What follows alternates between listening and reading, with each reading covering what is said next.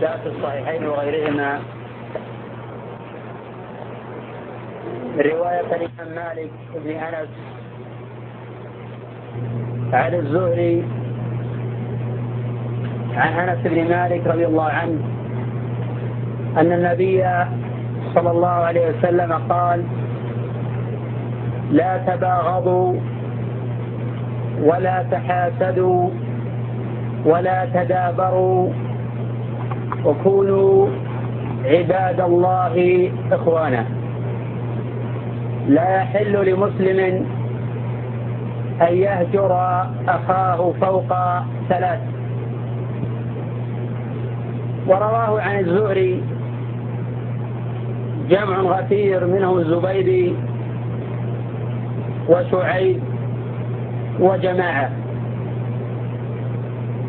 وقد اشتمل هذا الحديث على معاني كثيرة وفرائد من الفوائد وعلى أساسيات التعامل مع الآخرين. وعلى الأسباب المؤدية لنقاوة القلوب وسلامتها وبعدها عن الحسد والبغي والعدوان على الآخرين. فقد اشتمل قوله صلى الله عليه وسلم لا تباغضوا على الابتعاد عن الأسباب المؤدية للبغضاء من البيع على بيع أخيه والنجش والخطبة على خطبة أخيه والبغي والظلم والعدوان ونحو ذلك. فقوله صلى الله عليه وسلم لا تباغضوا ليس المعنى لا تبتدئوا الغضب أو البغضاء عفوا. ليس المعنى لا تبتدئوا البغضاء لأن البغضاء لا تنتج تلقائية إنما تنتج عن أسباب. فالمعنى لا تستجلبوا لأنفسكم أسباب البغضاء. بل اعتصموا بحبل الله جميعا ولا تفرقوا. وإذا بدر من أخيك شيء ما من ذلك فالزم جانب العفو والصفح. فإن الله جل وعلا يقول وليعفوا وليصفحوا والله جل وعلا يقول والعافين عن الناس والله جل وعلا يقول ولا تستوي الحسنة ولا السيئة ادفع بالتي هي أحسن. فإذا الذي بينك وبينه عداوة كأنه ولي حميم. وقد ورد عن أمير المؤمنين بسند في مقال عن أمير المؤمنين عمر رضي الله عنه بسند في مقال أنه قال ما عقبت من عصى الله فيك بمثل أن تطيع الله فيه. وعقاب هذا أولى من عقابه بالاعتداء عليه أو بمجازاته بمثل ما فعل. ولا سيما أن الإحسان إلى الآخرين يحصل به استعباد القلوب وعلى الأقل الكف عن شرهم والابتعاد عن اذيتهم ومن جميل ما يروى عن الإمام الشافعي رحمه الله تعالى أنه قال فلما عفوت ولم أحقد على أحد أرحت نفسي من هم العداوات إني أحيي عدوي عند رؤيته لأدفع الشر عني بالتحيات. بينما حين يستجب لك أخوك أسباب البغضاء تعامل بمثل ذلك ينتج بينكما عداوة وبغضاء وبغي واستطالة ومحاولة الأذية وحسد. وقد يتعاظم الأمر ويتطور. وعوضا أن يكون بين اثنين يكون بين أربعة أو ستة أو بين عائلتين أو بين قبيلتين أو بين دولتين. فإن النار من مستصغر الشرر. وقد لقي الإمام الشافعي رحمه الله تعالى عناء كبيرا من أعدائه وخصومه ولكن كان يغضي ويصفح ويسكت ويحلم. وحين قيل له ألا ترد عليهم؟ ألا تتحدث عنهم؟ رفض. ولزم الصمت والسكوت فرأى أن هذا هو خير علاج. حتى أنهم من بغيهم وعدوانهم اختلقوا حديثا مكذوبا على نبينا صلى الله عليه وسلم أنه قال يخرج في آخر الزمان رجل اسمه محمد ابن إدريس يعمل عمل إبليس.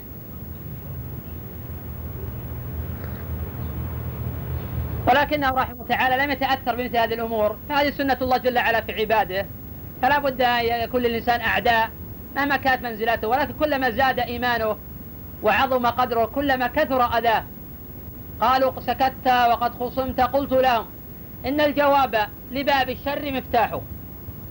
والصمت عن جاهل أو أحمق شرف وفيه أيضا لصون العرض إصلاح أما ترى الأسد تخشى وهي صامتة والكلب يخشى لعمري وهو نباح. وكان يقول رحمه الله أيضا إذا نطق السفيه فلا تجبه فخير من إجابته السكوت. إن كلمته فرجت عنه وإن خليته كمدا يموت ثم قال صلى الله عليه وسلم ولا تحاسدوا. أقبح أنواع الحسد. أن يتمنى العبد زوال النعمة عن الغير ولو لم تحصل له. هذه المرتبة هي أقبح أنواع الحسد. أن يتمنى زوال النعمة النعمة عن الغير ولو لم تحصل له. ودون أن يتمنى زوال النعمة عن الغير وأن تحصل له. وفي كل شر. هذا دليل على مرض القلوب. وأنها محجوبة عن الإيمان الصحيح والإيمان المطلوب. وهذا القلب من أبعد القلوب عن الله جل وعلا. يوم لا ينفع مال ولا بنون إلا من أتى الله بقلب سليم. والقلب السليم هو القلب الخالي من الغل والرياء والحسد. والإعجاب وأذية الآخرين. فما دام هذا القلب يحمل أذى وحقدا على الآخرين فهو بحسب حقده يكون بعيدا عن الله بعيدا عن الحق غير موفق للصواب.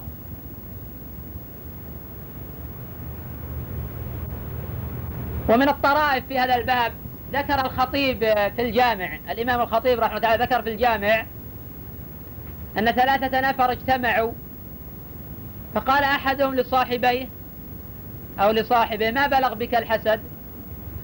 قال لقد بلغ بي الحسد أنني لا أحب أن أعمل أو لا أشتهي أن أعمل بأحد خيرا قط. قال رجل صالح.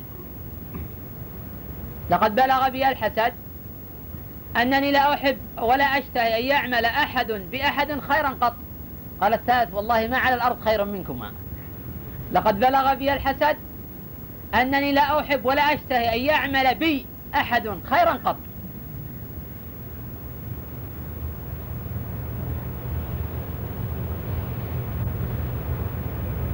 وقد ذكر السمرغندي وغيره أن خمس عقوبات تصل إلى الحاسد قبل أن يصل حسده إلى المحسود. المصيبة الأولى هم لا ينقطع. وعدو المرء من يعمل عمله. فما دام هذا موجودا فهم لا ينقطع. ولا يستريح من هم الحسد وعنائه حتى يواري صاحبه في التراب. بل لو وراه في التراب حتى ينقطع ذكره وأن له ذلك. المصيبة الثانية مصيبة لا يؤجر عليها. أليس يؤجر على الشوكة يشاكها مع أن هذا من أقل مراتب الأذى. لكنه لا يؤجر على الحسد وعلى البغي وعلى الحرقة التي توجد في قلبه من جراء البغي على الآخرين والعدوان. مع أن هذه المصيبة من أعظم المصائب لكن لا يؤجر عليها. مصيبة لا يؤجر عليها. الثالثة مذمة لا يحمد عليها. فإن الناس لا يحمدون الحاسد على حسده بل يذمونه ويشتمونه ويسبونه وهو حديث مجالسهم. الرابعة سخط الرب عليه فإن الله يسخط على الحساد الذين يعترضون على قدر الله فإن الحاسد معترض على أقدار الله. ولو رضي بقدر الله وآمن بقدر الله لما بغى على الآخر هذا الله الذي وهبه والله الذي فضله. فليس بحولك ولا بقوتك.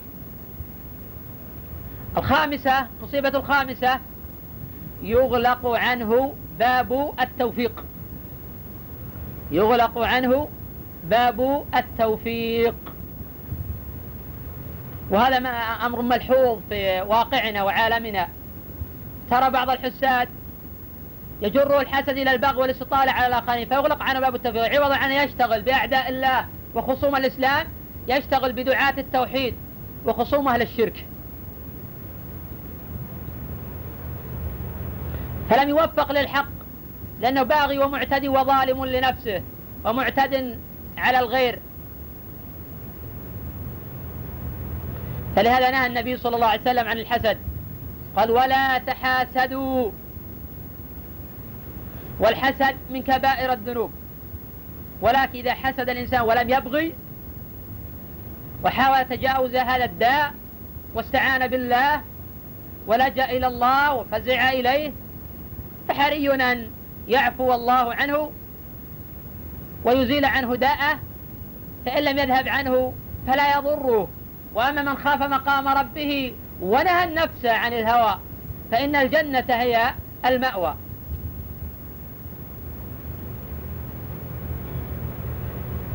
ولا تحاسدوا ولا تدابروا.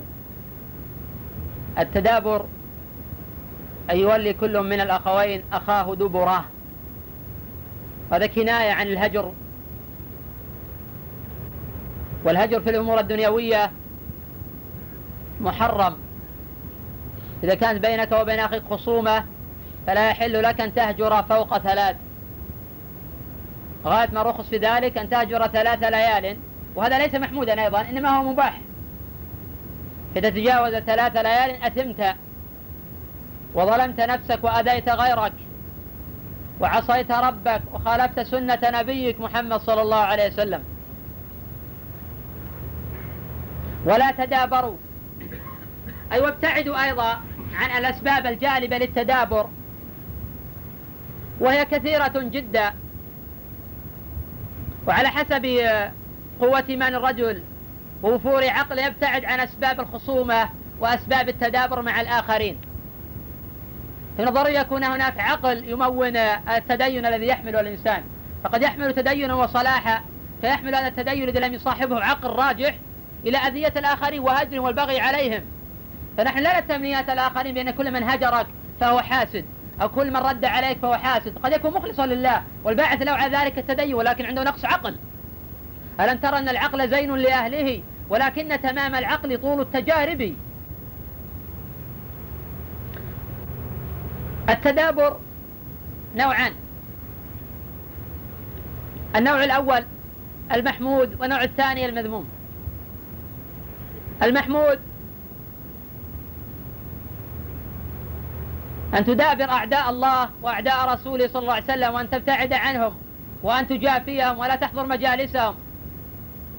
ولا تركن إلى الذين ظلموا. كما قال تعالى ولا تركنوا إلى الذين ظلموا فتمسكم النار. وما لكم من دون الله من أولياء ثم لا تنصرون.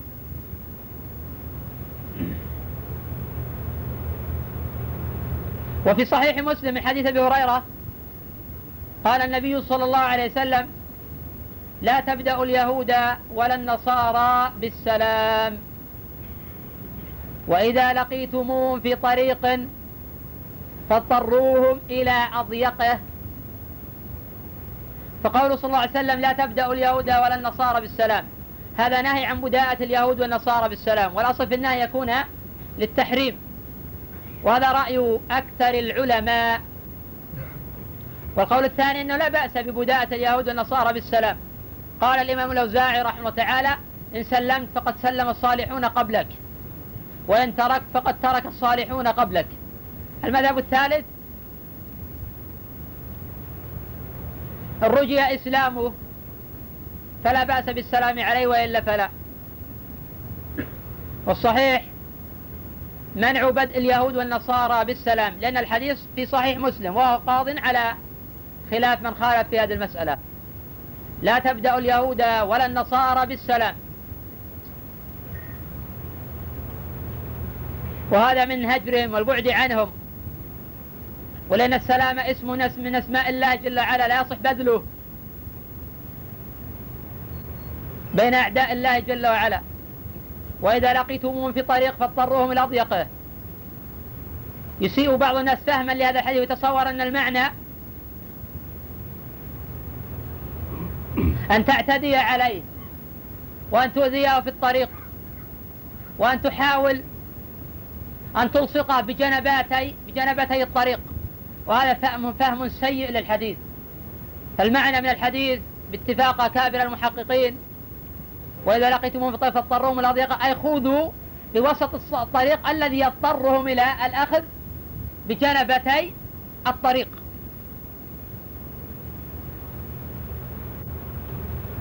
وأفهم الناس للأحاديث هم الصحابة رضي الله عنهم. فانظر في تعاملهم مع أهل الذمة وفي المستأمنين. والمقصود هجر أعداء الله والبعد عنهم. ولهذا تواترت الأحاديث عن النبي صلى الله عليه وسلم في إخراجهم عن جزيرة العرب. النوع الثاني الهجر المذموم والتدابر المذموم. هجر المسلم بدون حق. وهذا وهجر المسلم نوعان أيضا. أن يهجر من أجل أمور دنيوية فهذا لا يجوز أن يتجاوز ثلاثة أيام. النوع الثاني يهجره من أجل أمر ديني. وهذا نوعان النوع الأول يكون بحق فهذا يراعى فيه المصلحة. رؤية المصلحة فلا بأس بذلك فإن الهجر كالدواء يضع الطبيب موضعه والأصل في الهاجر يكون طبيبا يريد العلاج لا يريد التشفي من الآخرين. النوع الثاني يهجر بدون حق فهذا محرم ولا يجوز. ولهذا قال صلى الله عليه وسلم وكونوا عباد الله إخوانا متناصرين متعاضدين متكافتين مت... متعاضدين متناصرين متناصرين متعاونين متكافتين لئلا تذهب ريحكم وتذهب قوتكم ويستحوذ عليكم الشيطان.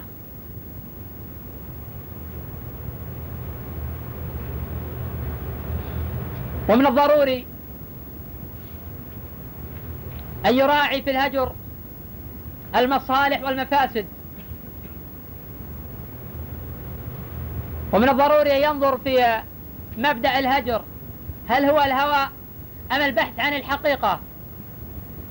فإن بعض الناس يهجر طالب العلم ويحذر عنه بينما يجالس أعداء الله من العلمانيين وغيرهم. ويخيل له إليه أن هذا العمل من التدين ومن الصلاح ومن الاستقامة. وما علم أن هذا من الجهل والحرمان. فأهل العلم لهم قدرهم ولهم مكانتهم ما مكانة أخطائهم. فمن الضروري مناصحتهم وتوجيههم والوقوف معهم وليس جزاؤهم الهجر والسب والشتم والبغي والعدوان. فالمسلم أخو المسلم لا يظلمه ولا يخذله ولا يسلمه أي لعدوه. ولهذا قال صلى الله عليه وسلم وكونوا عباد الله إخوانا. لا يحل لمسلم أن يهجر أخاه أي المسلم. فوق ثلاث هذا في الأمور الدنيوية. أما في الأمور الدينية إذا روعت ذلك مصلحة ورجيت المنفعة فقد هجر النبي صلى الله عليه وسلم كعبا وصاحبيه خمسين يوما. والحديث متفق على صحته. وآل رسول الله صلى الله عليه وسلم من نسائه شارا والحديث متفق على صحته. وهجر النبي صلى الله عليه وسلم إحدى زوجاته أربعين يوما. وهجر ابن عمر ابن الله وهجر عبد, عبد الله بن مغفل ابن الله وهذا أمر متواتر كما قال أبو المهلب. وأجمع عليه السنة كما نقل الإجماع الإمام البغوي رحمه الله تعالى في شرح السنة.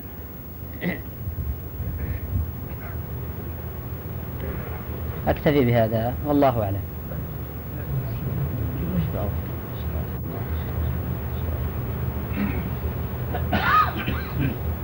نعم. نعم. حديث الجنة. لا أعلم حديثا في هذا. وقد جاء في جامع بعيسى الترمذي من طريق محمد بن عمرو بن علقمة بن القاص الليثي عن أبي سلمة بن عبد الرحمن عن أبي هريرة أن النبي صلى الله عليه وسلم رأى رجلا مضطجعا على بطنه فنهاه النبي صلى الله عليه وسلم. فأخبر بأن هذه نومة جهنمية أي هذه نومة أهل النار ونومة أهل جهنم. وقال أبو عيسى عقب هذا الخبر هذا حديث حسن صحيح. ولكن هذا الخبر مختلف فيه. وقد روى الإمام أحمد وغيره طريق الأوزاع عن يحيى بن أبي كثير عن يعيش بن طهفة عن أبيه عن النبي صلى الله عليه وسلم وفيه اختلاف.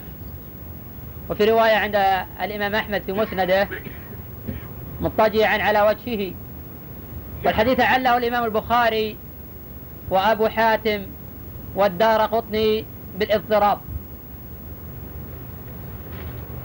ولا يصح في الباب شيء ولا مانع من نوم المسلم على بطنه بدون كراهة لأنه لم يثبت في ذلك حديث عن رسول الله صلى الله عليه وسلم. ولا حديث الواردة في الباب مضطربة والله أعلم. نعم. الأخ يسأل يقول كل الذباب في النار إلا النحل وهذا الحديث ضعيف على الصحيح. رواه الإمام أحمد وغيره والحديث ضعيف على الصحيح. نعم. الرسول صلى الله عليه وسلم عرضت علي مساومة وقراءته والقذف إلى آخره لكن هل ورد حديث في نسيان القرآن؟ الأحاديث الواردة في الأحاديث الواردة في الوعيد الشديد على من نسي القرآن أو حرفا منه كلها ضعيفة. ولا يصح منها شيء. والوعيد المترتب إنما هو على نسيان العمل به. نسوا الله فنسيهم. كذلك تتك آياتنا فنسيتها وكذلك اليوم تنسى. أي تركت العمل بها فهذا جزاؤك وهذا عقابك. وليس المعنى أنه حفظ سورة أو آية فنسيها. لا ريب أن حفظ القرآن منقبة عظيمة ومرتبة جليلة لا ينالها إلا الشرفاء والرفعاء ونسيان القرآن. قد تكون نوعا من أنواع العقوبة ولكن ليست كل عقوبة محرمة. قد الإنسان يحرم الخير أي المندوبات وليست الواجبات. ولهذا قال صلى الله عليه وسلم استذكروا القرآن. هو الذي نفسي بيده له أشد فصيا من الإبل في عقولها والحديث متفق عليه من حديث عبد الله بن مسعود. فقول صلى الله عليه وسلم استذكروا القرآن. هذا أمر للند. وحث وترغيب في حفظ القرآن وضبطه والعناية به.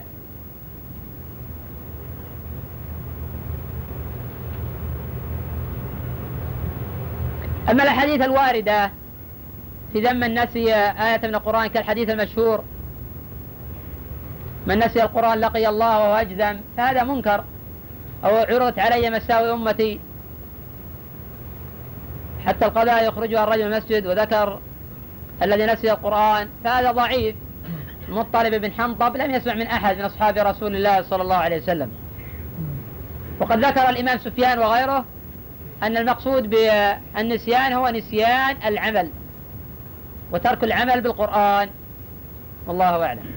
نعم. يخلع عنها زوجها بعد ولادتها ساعتين لا تفصيل الأخ يسأل يقول امرأة توفي عنها زوجها بعد ولادتها بيومين أو ساعتين ولا يضر أو دقيقتين أو ثانيتين. امرأة توفي عنها زوجها فولدت بعد وفاته بدقيقتين أو بساعتين أو بيومين أو بشهرين أو بعامين الحكم واحد. حينئذ تجب العدة على المرأة. ويجب عليها أن تحاد من زوجها. وذلك أربعة أشهر وعشرة أيام باتفاق أهل العلم. قال تعالى والذين توفون منكم ويذرون أزواجا يتربصن بأنفسهن أربعة أشهر وعشرا. وحين تلد المرأة بعد وفاة زوجها بدقيقة أو دقيقتين أو بساعة أو بساعتين أو بيوم أو بيومين فإنها تخرج من العدة. فإنها تخرج من العدة. وأولاة الأحمال أجلهن أن يضعن حملهن. فإن قيل إذا توفي الزوج بعد ولادة المرأة بدقيقة أو دقيقتين علمنا استبراء الرحم. فما هي الثمرة من العدة؟ فالجواب أن العدة ليست هي لمجرد استبراء الرحم. لو كانت العدة لمجرد استبراء الرحم لكانت مقدار ما تحيض به المرأة. فمن العلل استبراء الرحم وفي علل أخرى حق الزوج ونحو ذلك.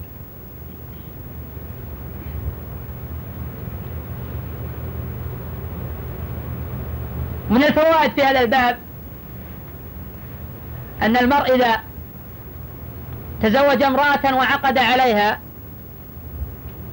وتوفي قبل يدخل بها لها المهر مهر مثلها ولها الميراث وعليها العدة. لأنها داخلة في مسمى الوفاة ولا تزال زوجة ولا لم يدخل بها ما دام أنه عقد عليها. لكن العجيب أنه لو طلقها في الحال. عقد عليها ولم يجمعها. عقد عليها وطلقها ولم يجمعها. فإنها لا عدة عليها حينئذ. تذهب وتتزوج من فورها. قال الله جل وعلا يا أيها الذين آمنوا إذا نكحتم المؤمنات ثم طلقتموهن من قبل أن تمسوهن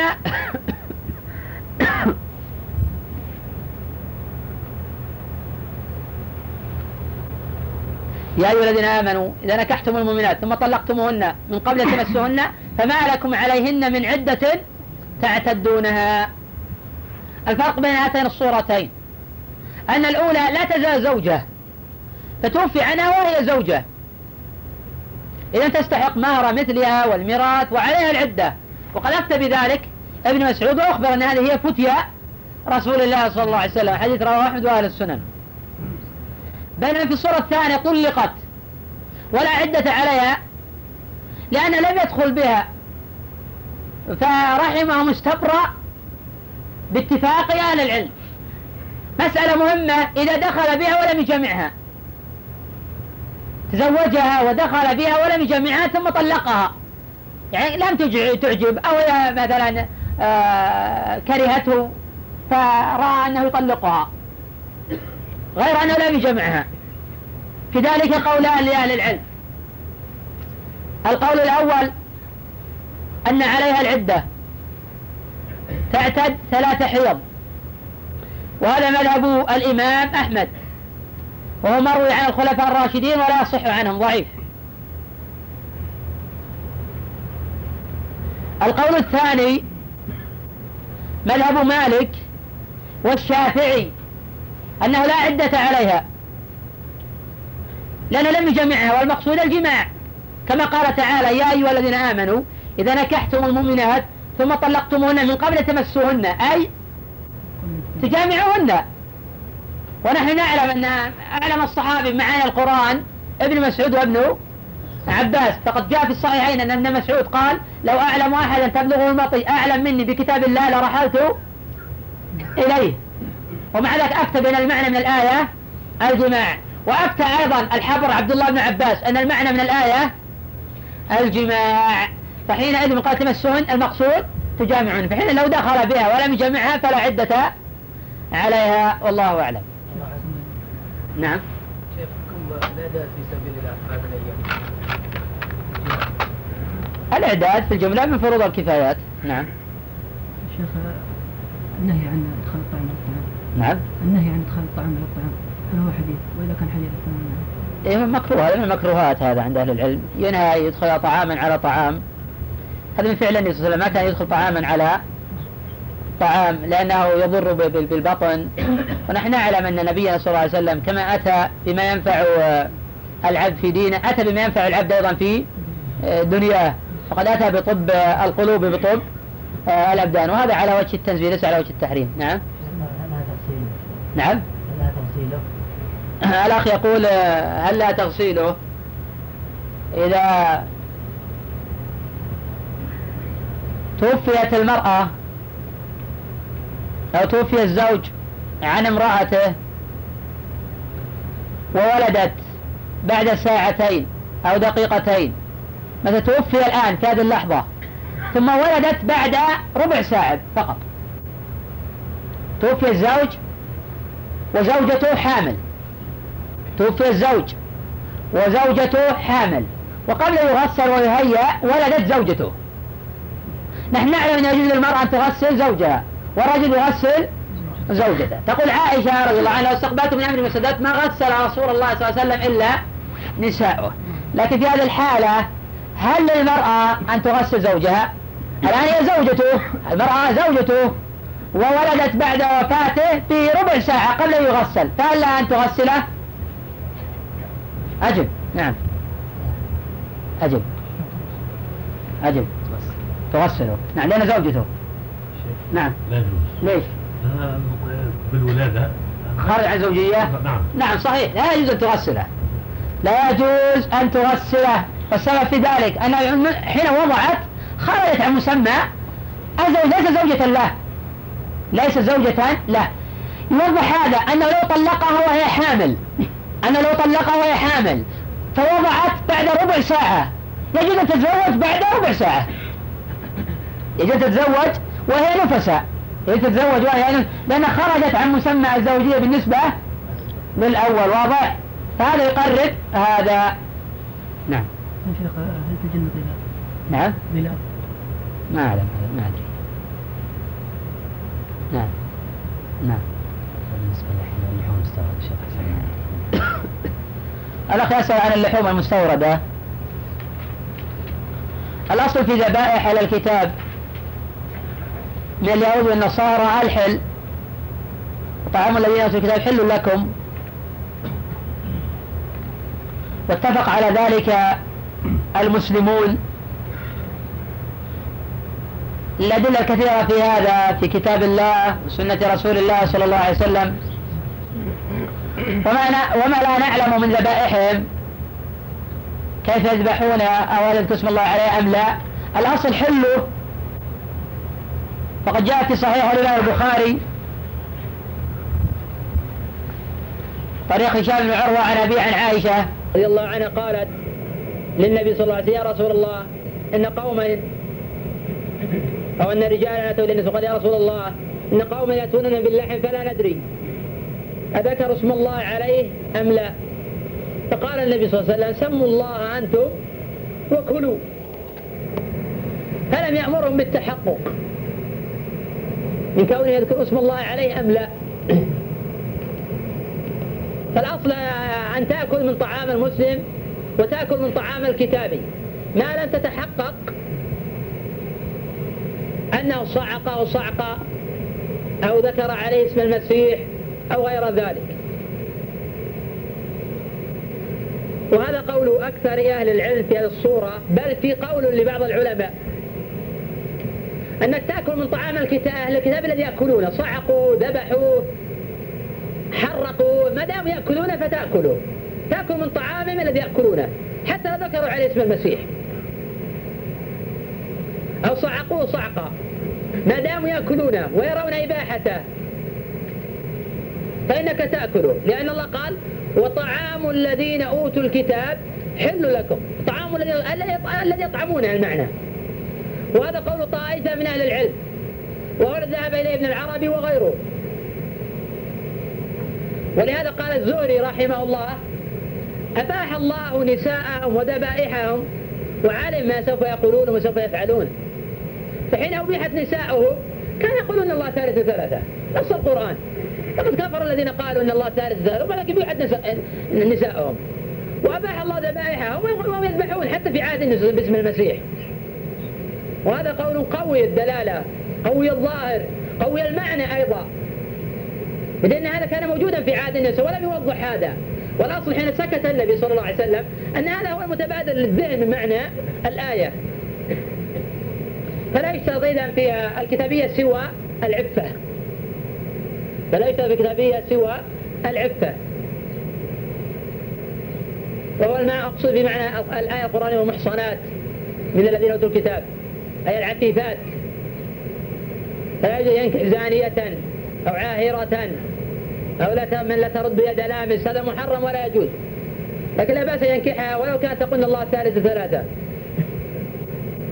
لأن اليهود والنصارى في عهد كانوا يقولون ذلك. أو لأن النصارى في عهد كانوا يقولون ذلك. ومع ذلك ما بين النبي صلى الله عليه وسلم هذا.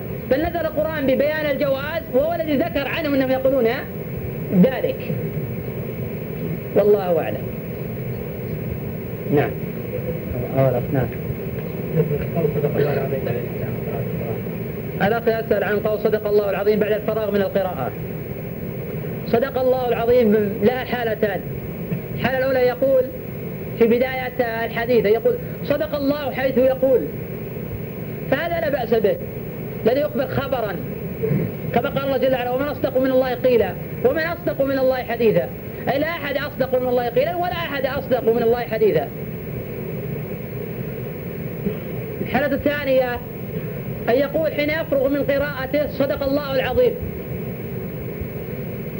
إذا فرغ من الفاتحة أو من سورة من القرآن أو في وسط السورة فصدق الله العظيم يختم به بذلك قراءته. فهذا محدث. فهذا محدث وابتداع بالدين.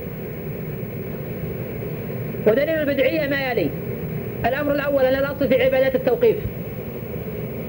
الأمر الثاني أن هذا الأمر انعقد سببه في عهد النبي صلى الله عليه وسلم وفي عهد الصحابة ولم يفعلوه مع إمكانية الفعل. ومن القواعد العقدية الفقهية في هذا الجانب. العقدية باعتبار مقام التشريع والفقهية باعتبار ضبط السنة من البدعة. ما ذكره الشاطبي في الموافقات وفي الاعتصام وذكر شيخ الإسلام في المجلد الثاني من الاقتضاء وذكر في كتاب الحج وذكر في كتاب الزيارة. قال هذان الإمامان الأصوليان كل عبادة. أو كل أمر انعقد سببه. كل أمر انعقد سببه. في عهد النبي صلى الله عليه وسلم ولم يفعله مع إمكانية فعله وقيام المقتضي لذلك فعمله بدعة. أعيد لتمام الفائدة. يقول كل أمر انعقد سببه. في عهد النبي صلى الله عليه وسلم ولم يفعل مع إمكانية الفعل وقيام المقتضي لذلك فعمله بدعة. من ذلك إيجاد خط لتسوية الصفوف. هذا انعقد سببه في النبي ولم يفعل مع إمكانية الفعل فهو بدعة. من ذلك إيجاد خط محاذي للحجر الأسود. هذا بدعة. لأن هذا الخط انعقد سببه في عهد النبي صلى ولم يفعل مع إمكانية الفعل فهذا عمل مبتدع. ومن ذلك إيجاد مولد للنبي صلى الله عليه وسلم. هذا عمل مبتدع. وغير ذلك المندرج ضمن القاعدة. وقال قائل يجعل هذا مكبرة الصوت والمسجلات كلهم من البدع نقول لا تأمل في القاعدة. يقول كل أمر انعقد سببه في عهد النبي صلى الله عليه وسلم. مسجل عقد سببه ومكبر عقد سببه. لكن هل في إمكانية للفعل؟ إذا لا. لا يدخل في القاعدة. القاعدة كل أمر انعقد سببه في عهد النبي صلى الله عليه وسلم ولم يفعل مع إمكانية الفعل. فعمل حينئذ بدعة. فحين نعلم حكم صدق الله العظيم بعد الفراغ من القراءة وأن هذا من العمل المبتدع. والله أعلم.